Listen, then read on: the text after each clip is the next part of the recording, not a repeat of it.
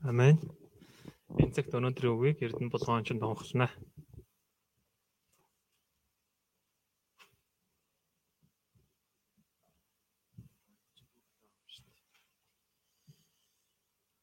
Сайн байцгаана? Нэг авчих уу?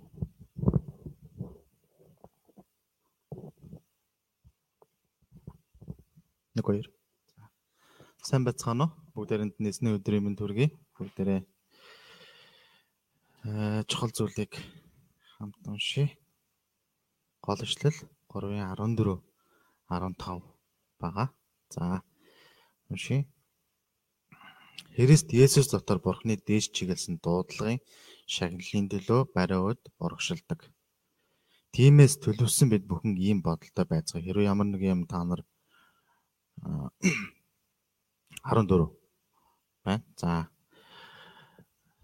Өнөөдрийн номлолыг эхлэхийн өмнө танаас чуулганы гишүүн итгэгч найз минь та сайн байгаа юу гэж асуумаар байна. Яагаад ингэж асууж байна гэхээр заримдаа бид бусдын төлөө ямар зүйл туулж явааг нь анзааралгүй юм зааж, асууж, ажил олгож, нөхөрлөх гэж тэр битгий л хайрлахыг шаарддаг. Харин итгэгчид бид Библиэс зүр сэтгэл байгаа газараа хүн байдаг тухай уншдаг. Тиймээс бид өгч сурах нь бидний Христийн дотор хэр өснгийг маань харуулж өгдөг. Итгэж бид үргэлж төлөвшил рүү тэмүүлэх учиртай. Бид үйлсгүй итгэлтэй мэрэгжлийн итгэгчид биш. Харин итгэлээ үйлсээрээ харуулсан жинхэнэ итгэгчид байх ёстой. Итгэж бид бүгд Тэнгэрийн улсын харайлтай учир Тэнгэрийн улсын иргэд мэд амьдрах хэрэгтэй. Тиймээс бид урам зоригтойгоор Есүс Христийг дахин ирэх тэр өдрийг хүртэл хүлээж амьдарцгаая. Намд руу орохоос өмнө бүгдээрээ хамтдаа залбирцгаая. Эзэн бидэнд өнөөдрийн номлоор дамжуулан ариун их ивэл өрөөл авч чадахыг хүсэн гож байна. Хамтдаа залбирая. Эзэн бурхан минь ээ. Таньда талархал, магтаалыг өргөн залбирч байна. Та өнөөдөр Филиппой ном дээрх өөрийн үгсээрээ дамжуулан бидэнд өөрийнхөө хүслийг ойлгуулаарай. Христ Есүс бидний төлөө урсгасан цусны гавьяагаар бид Тэнгэрийн улсын иргэд болсон. Танд бүх алдар магтаалын дээдийг өргөж байна. Тиймээс биднийг энэ дэлхий дээр гэрэл давс болж яг л Тэнгэрийн Тэнгэр улсын итгэмжит иргэд мэд амьдрахад та тэр хүч чадлыг нэгүслээ бидэнд ариун сүнсээрээ дамжуулан дүүргэж өгөөрэй. Үүний төлөө энэ цагт та өөрийн амьд үгийг бидэнд ойлгуулаарай. Номлолын цагийн эхнээс нь дуусах хүртэл таны мотор дөргөж би Есүсийн нэрээр залбирэн гуйж байна. Амен. Өмнөх номлолоор дамжуулан бид Христийг олохын төлөө өөрт хэрэгтэй олон ашигтай бүхнээ хохирол болгон оргисон Паулийн хүсэл эрмэлзлийн талаар сурсан. Паул Христийг олохын төлөө энэ дэлхийн бүх үйлс зүйлсийг алдсан боловч хамгийн үн цэнтэй ертөнцийг олсон. Тэрээр мунхаг мэт харагдсан ч үнэндээ хамгийн мэрэгэн ухаантай хүн байв. Өнөөдрийн үгэн дээр Паул Христийг олохын төлөө хэрхэн амьдарч байгааг гэрчилж байна. Мөн Филиппой чуулган дотор байгаа загалмайн эсрэг итгэгчдээ сэрэмжилснээр чуулганы итгэгчдийг өөртөө адил Христийн төлөө зөв бариуд урагшлан амьдрахыг сургаж байна. Өнөөдрийн үгээр дамжуулан итгэж бидний итгэлийн амьдралын эцсийн зорилго буюу барайг тодорхой болгон Христийн төлөө урагшилдаг хүмүүс болохыг хүсэн гуйж байна. Нэг бариуд урагшилдаг.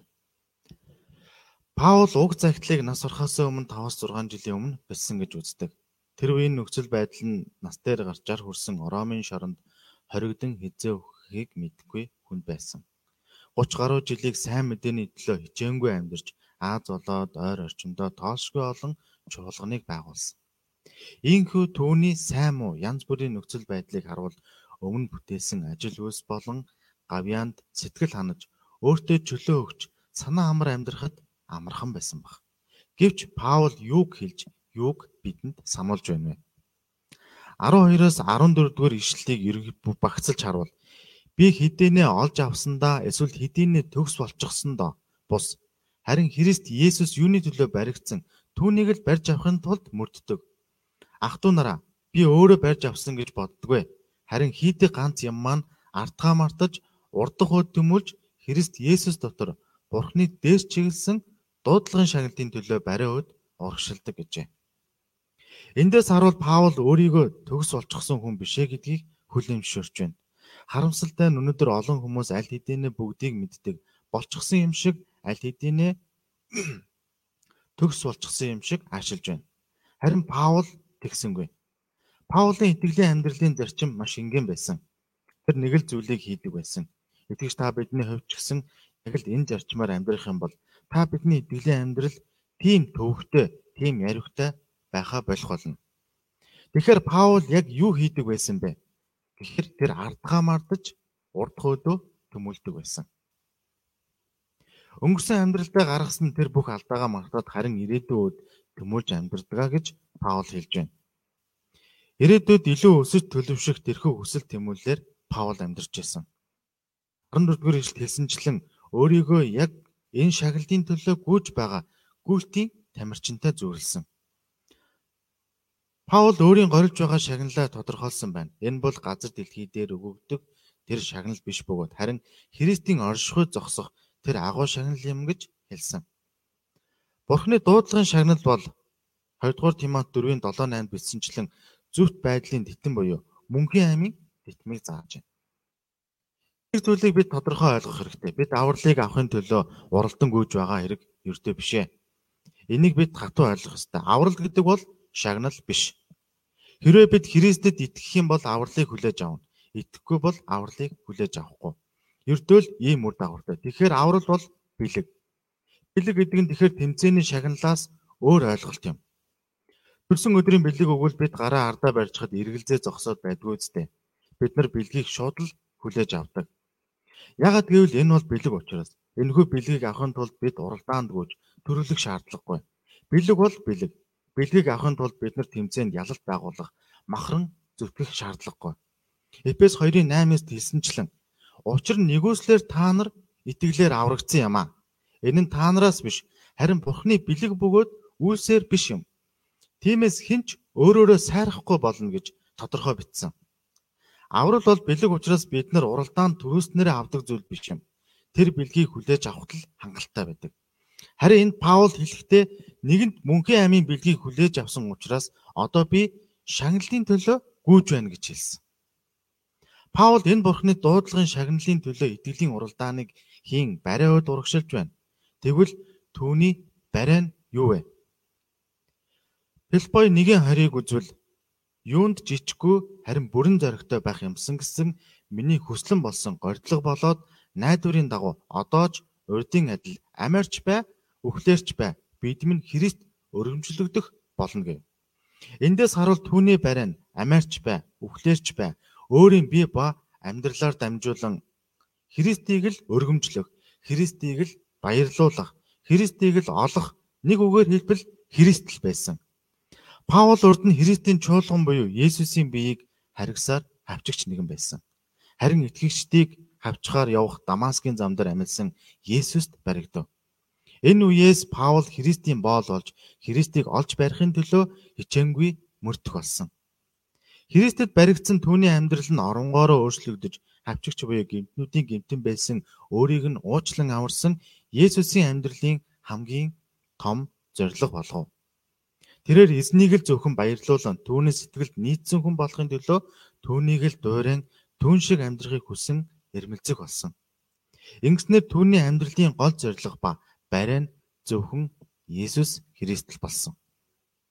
Тэгвэл бидний барай юу вэ? Хүн бүрт өөрийн гэсэн барай зориг байдаг. Харин юуг зориг болгох вэ гэдг нь маш чухал байдаг. Амьдралын тодорхой зоригтой болох нь маш чухал. Харин ингэхдээ эцсийн цагт харамсахгүй, мөхөж устдахгүй зоригтой болох нь хамгийн чухал юм. Энэ л жинхэнэ зориг. Төр байж байгаад алга болох зүйлсийг зорилгоо болгох нь мунхаг хэрэг юм. Хүмүүс бид ихэнхдээ гэр бүлийн ад жаргал, эрүүл мэнд, ажлын амжилт, хүүхдийнхээ сурлага ба амжилт гэх мэтийг барай болгон амьдарч байна. Эдгээр нь бидний амьдралд бодит хэрэгцээ учраас чухал байдаг ч төр зур бөгөөд эцсийн цагт замхран алга болох зүйлс юм. Тиймээс ийхүү амьдралын бодит зорилгоодыг хоёрдугаарт нь тавьж чадах хэрэгтэй юм. Мөнгөд үлдэх хизээч алга болохгүй эцсийн жинхэнэ зорилгын төлөө итгэгч бид бүх анхаарал тавин амьдрах хэрэгтэй. Илч Паул яг л энэ зорилгын төлөө бариад урагшилдаг гэв. Бидний амьдралын жинхэнэ барай нь Есүс Христ билээ. Бид үнэхээр Христийг амьдралынхаа жинхэнэ зориг барай болгон урагшилж байна уу? Үнэхээр тийм бол хамгийн ерөөлтөө мэрэгүү ухаантай нэгэн байна. Элч Паул Иесус Христийг барай болгон ямар хандлагатайгаар тэгвэл урагшилсан бэ? Буцаад эхний ишлэгийг харах юм бол би хэдийнэ олж авсандаа эсвэл хэдийнэ төгс олчихсондоо бус харин Христ Есүст юуны төлөө баригдан Түүнийг л барьж авахын тулд мөрдөг гэжээ. Энд мөрдөг гэсэн үг нь ан хийхэд ба уралдаанд гөөхөд хэрэгэлдэг үг бөгөөд тодорхой зорьсон зүйл төрхийн төлөө бүх хүчээрээ мөрдөхийг хэлж байна. Ангийн нохой туулайг олбол түүнийг барьж авахын төлөө бүх хүчээ дайчлан мөрддөг. Мөн марпонд уралдагч нь барайг л чиглэн бүхий л анхаарал, бүхий л хүчээ дайчлан гүйдэг. Паулын хувьд шоронд байсан бөгөөд түүний биеийн байдал сайнгүй, өвчин зовиортой байсан мөн ял аван үхэл өөхөх магадлал ч өндөр байсан. Харин ийм нөхцөл байдал донд тэрээр эцэс хүртэл бүх хүчээ дайчлан тэ болсон Христийн төлөө урагшилдаг байв.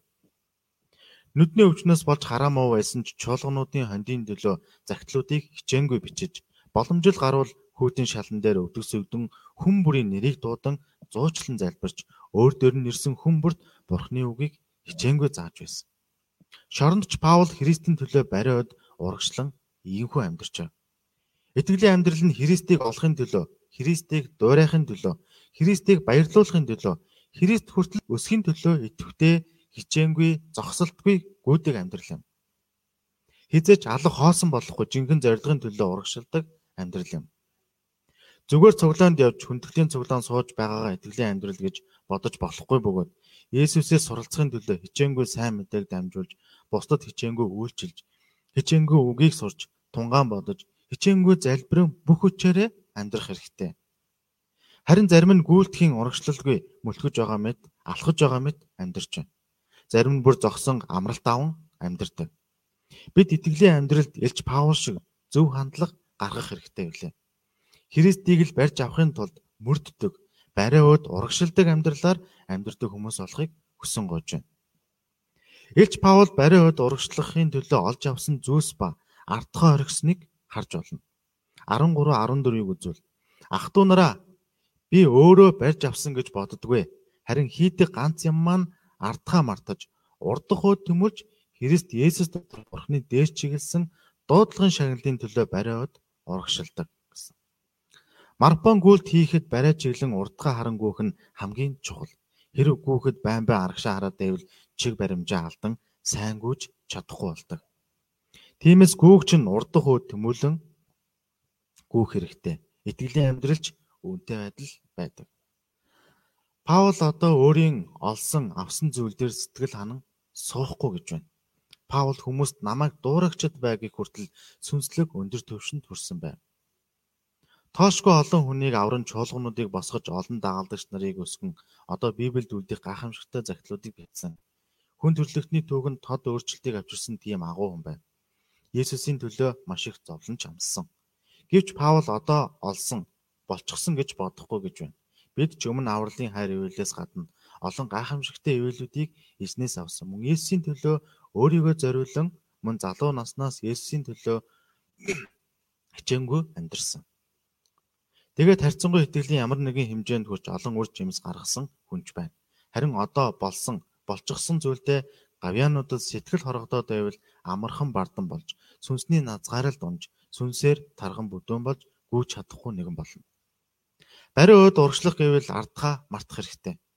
Урд үлдсэн гэм алдаанууд ялагдал, шарах гомдол, өс сонзонгийн асуудал гэх мэтийг эзэн даатхан итгэлээр урагшлах хэрэгтэй юм. Эдгээр зүйлс нь Есүс өд урагшлахад саад утгар болох ба итгэлийн амьдралыг суйрлах болдог. Есүсийн өршөөлд итгэн уушлагдаж уучлах хэрэгтэй. Ардах зүйлдээ хүлэгдээд байвал юу ч хийж чадахгүй юм. Бид хэцүү байдалд ороход ардах зүйлээ бодоод суухаас илүү эзэнд итгэн урагшлах оролдлого хийх хэрэгтэй. Еврей 10:38-39 Инхүү зөвлөж байна. Харин зөвтгөн итгэлээр амьдрнаа. Хэрвээ тэр ухрах аваас сэтгэл минь түүнийг эс таална. Бид суурил рүү ухрах бус харин итгэж амийг хадгалагсад билээ гэжээ. Тааш нь Паул сүнсээр ямар нэгэн төвшөнд өөрийгөө хүрсэн гэж бодоод амарлингуй байгаа хүмүүст Бурхан гүгчийн зөв хандлагыг алдахгүй байхыг ятгасаар байна. Тэгэхээр бид бүгдээрээ төлөвшөрлөө төлөвшөлрүүл тэмүүлэх ёстой болж байна. Ургамлын үр жимч гэсэн анх урахтаа түүхий байдаг. Гэхдээ цаг хугацаа өнгөрч үр жимс гүйцэж боловсрох үед түүхий жимс сайхан жимс болж хувирдаг. Чин улаан дойл анх урахтаа ногоон байдаг. Цаг хугацааны дараа бүрэн боловсрох үедээ улаан шүүслэг лойл болж өөрчлөгддөг. Үүний нэгэн адил Паул итгэж бидэж бас төлөвшөх ёстой шүү гэж саналсан. Дахид нэг жишээ авъя. Гарантай жаахан хүүхэд байна. Энэ үедээ да да да ба ба ба бэ бэ бэ гэвэл үнэхээр өхөөрдөм хөөхөн санагдана. Харин 20 настаа да да да да ба ба бэ бэ бэ гэвэл хөөхөн санагдах уу? Мэдээж үгүй харин ч эвгүй санагдана. Ямар нэг юм болохгүй болсон байна гэсэн. Тэгвэл яг үүнтэй адил Паул итгэж та биднийг төлөвшөх ёстой шүү гэж сануулж байна. Христийн дотор эрүүл саруулаар өсөж боожж байгаа төлөвсөн итгэгчид ёсоор адилхан санаа бодолтой байцгаая гэж Паул хэлсэн. Өөрөөр хэлбэл Паултай адилхан санаа бодолтой байгаарай гэсэн үг юм. Паултай адилхан уралдааны зам дээр гараад нэгэн зорилгын төлөө гүүгээрэй гэсэн үг. Хоёр Христийн загалмайн дайснууд. Паул дахиад бариа дурагчлахын төлөө зөвлөж байна. Ах トゥ нараа намайг дуурайгчд бай. Та нарт үзүүлсэн жишээгээр минь явдаг хүмүүсийг ажигла. Паул ийхүү зөвлөж байгаа нь өөрийгөө дээгүүр тавин сайрахын тулд биш. Өмнө дурдсанчлан тэрээр Христийг дуурайхын төлөө бодит жишээ болж хичээнгүй амьдарч байгаа учраас өөрийгөө дуурайхыг уриалсан. Өөрөөс гадна Тимот болон Эпафрод мэт Христийг дуурай амьдардаг хүмүүсийг сайтар ажиглан суралцахыг зөвлөж байна. Харин Христ ба түүнийг дуурайгч нарыг дуурайхгүй бол тэд юу болох вэ? 18 19-ийг үзвэл Миний та нарт үргэлж ярьж байсан олон хүн Христийн загалмайн дайсанд бид явдаг гэж би одоо уйлан байж хэлж байна. Тэд төгсгөл суурил тэдний бурхан нь ходоод бөгөөд тэд гутамшигт зүйлсээр сайрахдаг. Дэлхийн ямыг л сэтгэдэг. Тэд хичээнгүйлэн Христийг дуурайж урагшлан амьдрахгүй бол Христийн загалмай дайсан шиг амьдрах болно.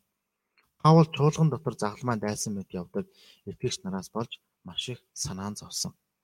Паул чуулган дотор загалмай олон олон удаа сургасан ч замаа өөрчлөхгүй учраас сэтгэл нь хөвдөн уйлан уйлан дахин сануулж байна. Тэгвэл загалмайн дайснууд нь ямар хүмүүс вэ? Тэдгээр нь Иесуст итгээд аль хэдийнэ аврагдсан учраас өөрсдийн хүслээрээ чөлөөтэй дураараа амьдарч болно хэмээн чуулганы итгэгчдийг уруу татдаг хүмүүс юм. Тиймээс тэднийг тэднээс сэрэмжлүүлэхийг сануулж байна. Загалмайн дайснууд нь өөрийн ходоодыг бурхан болгодог хүмүүс юм. Өөрөөр хэлбэл тэд өөрийн ходоод буюу хүсэл тачаалыг бурхан болгон амьдарч байна. Тэд бурханаас илүү өөрийгөө чухал болгож итгэлийн амьдралын төвд өөрийгөө л тавьдаг хүмүүс юм.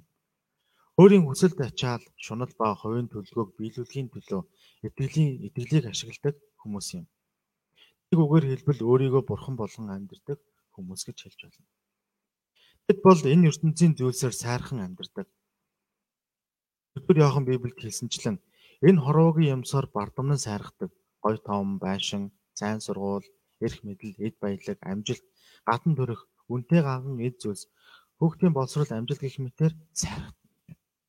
Тэгэхээр сайрах нь Есүст итгэн шинжлэгдсэн хүмүүст зохихгүй ичгөр гудамжтай юм.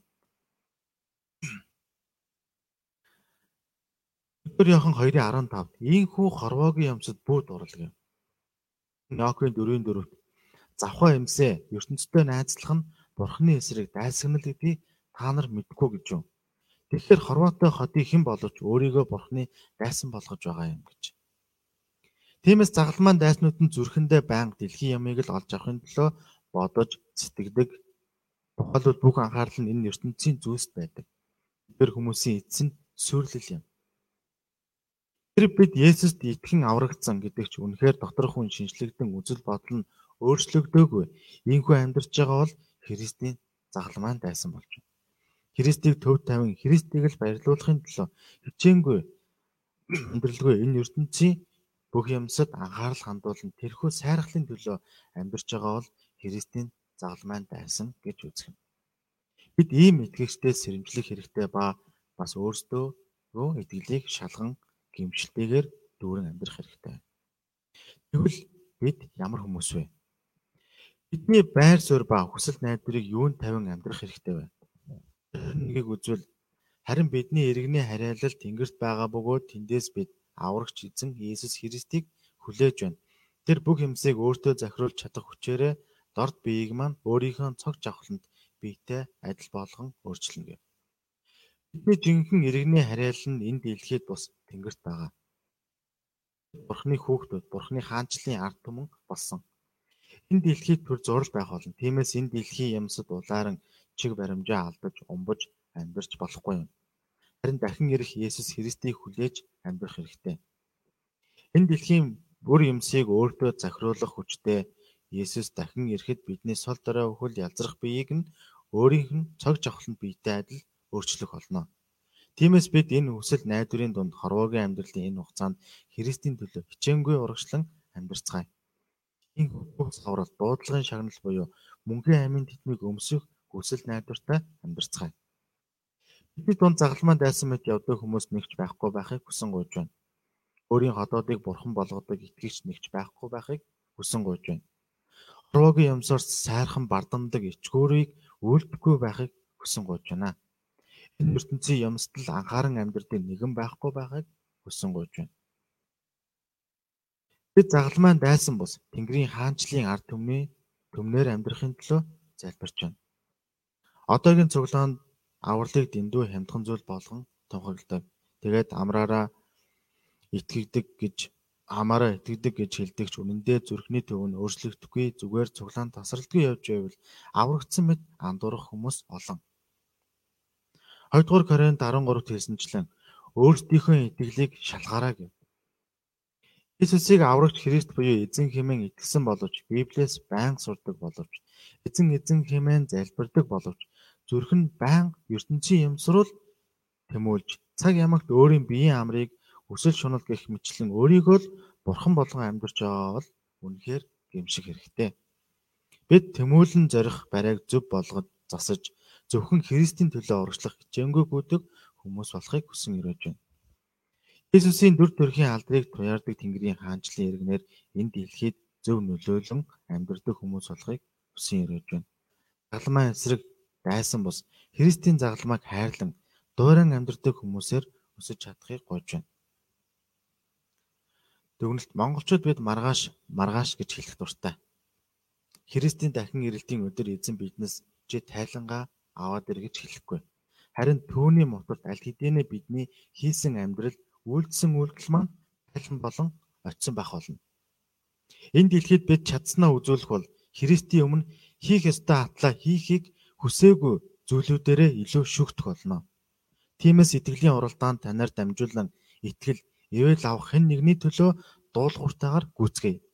Үнэхээр энэ бол өөрийнхөө төлөө бус харин бусдын төлөө гүйх, оюутан залуусын төлөө гүйх гүйлт юм. Эзэн бурхан минь бид өдөр бүр ардхаа мартаж өнгөрсөн амьдралынхаа алдаа дутагдaltaй зуралдах биш харин өдрөөс өдөрт Христ Есүс рүү улам бүр тэмүүлэн амьдрах тэрхүү итгэлийн амьдралаар амьдрахад та бидэнд туслаарай. Өдрөөс өдөрт Христтэй адилхан болж өөрчлөгдөхийн тулд та биднийг өдөрт нь чиглүүлж өгөөрэй. Баярлалаа бүгдээрээ хамтаа залбирцгаая. Бурхан эзэн минь танд өнөөдрийн номлын төлөө талархаж байна. Үнэхээр та бидний Есүс Христийн цусаар дамжуулан өөрийнхөө Тэнгэрийн улсын харьяаллын ард иргэд болгосон. Бид энэ л итгэл найдвар баяр хөөр дотроо итгэмжтэйгээр амьдрахыг хүсэж байна. Христ Есүс сүр жавхлантайгаар энэ дэлхийд дахин ирэх өдрийг хүртэл бид энэ л итгэл найдвараа хадгалан Тэнгэрийн улсын итгэмжит иргэд мэд энэ дэлхийн гэрэл давс болж амьдрахад та ариун сүнсээрээ бидэнд туслаарай. Бүх зүйлийг таны ариун сүнс хайртай хүү Есүс Христийн нэрээр гуйж байна. Амен.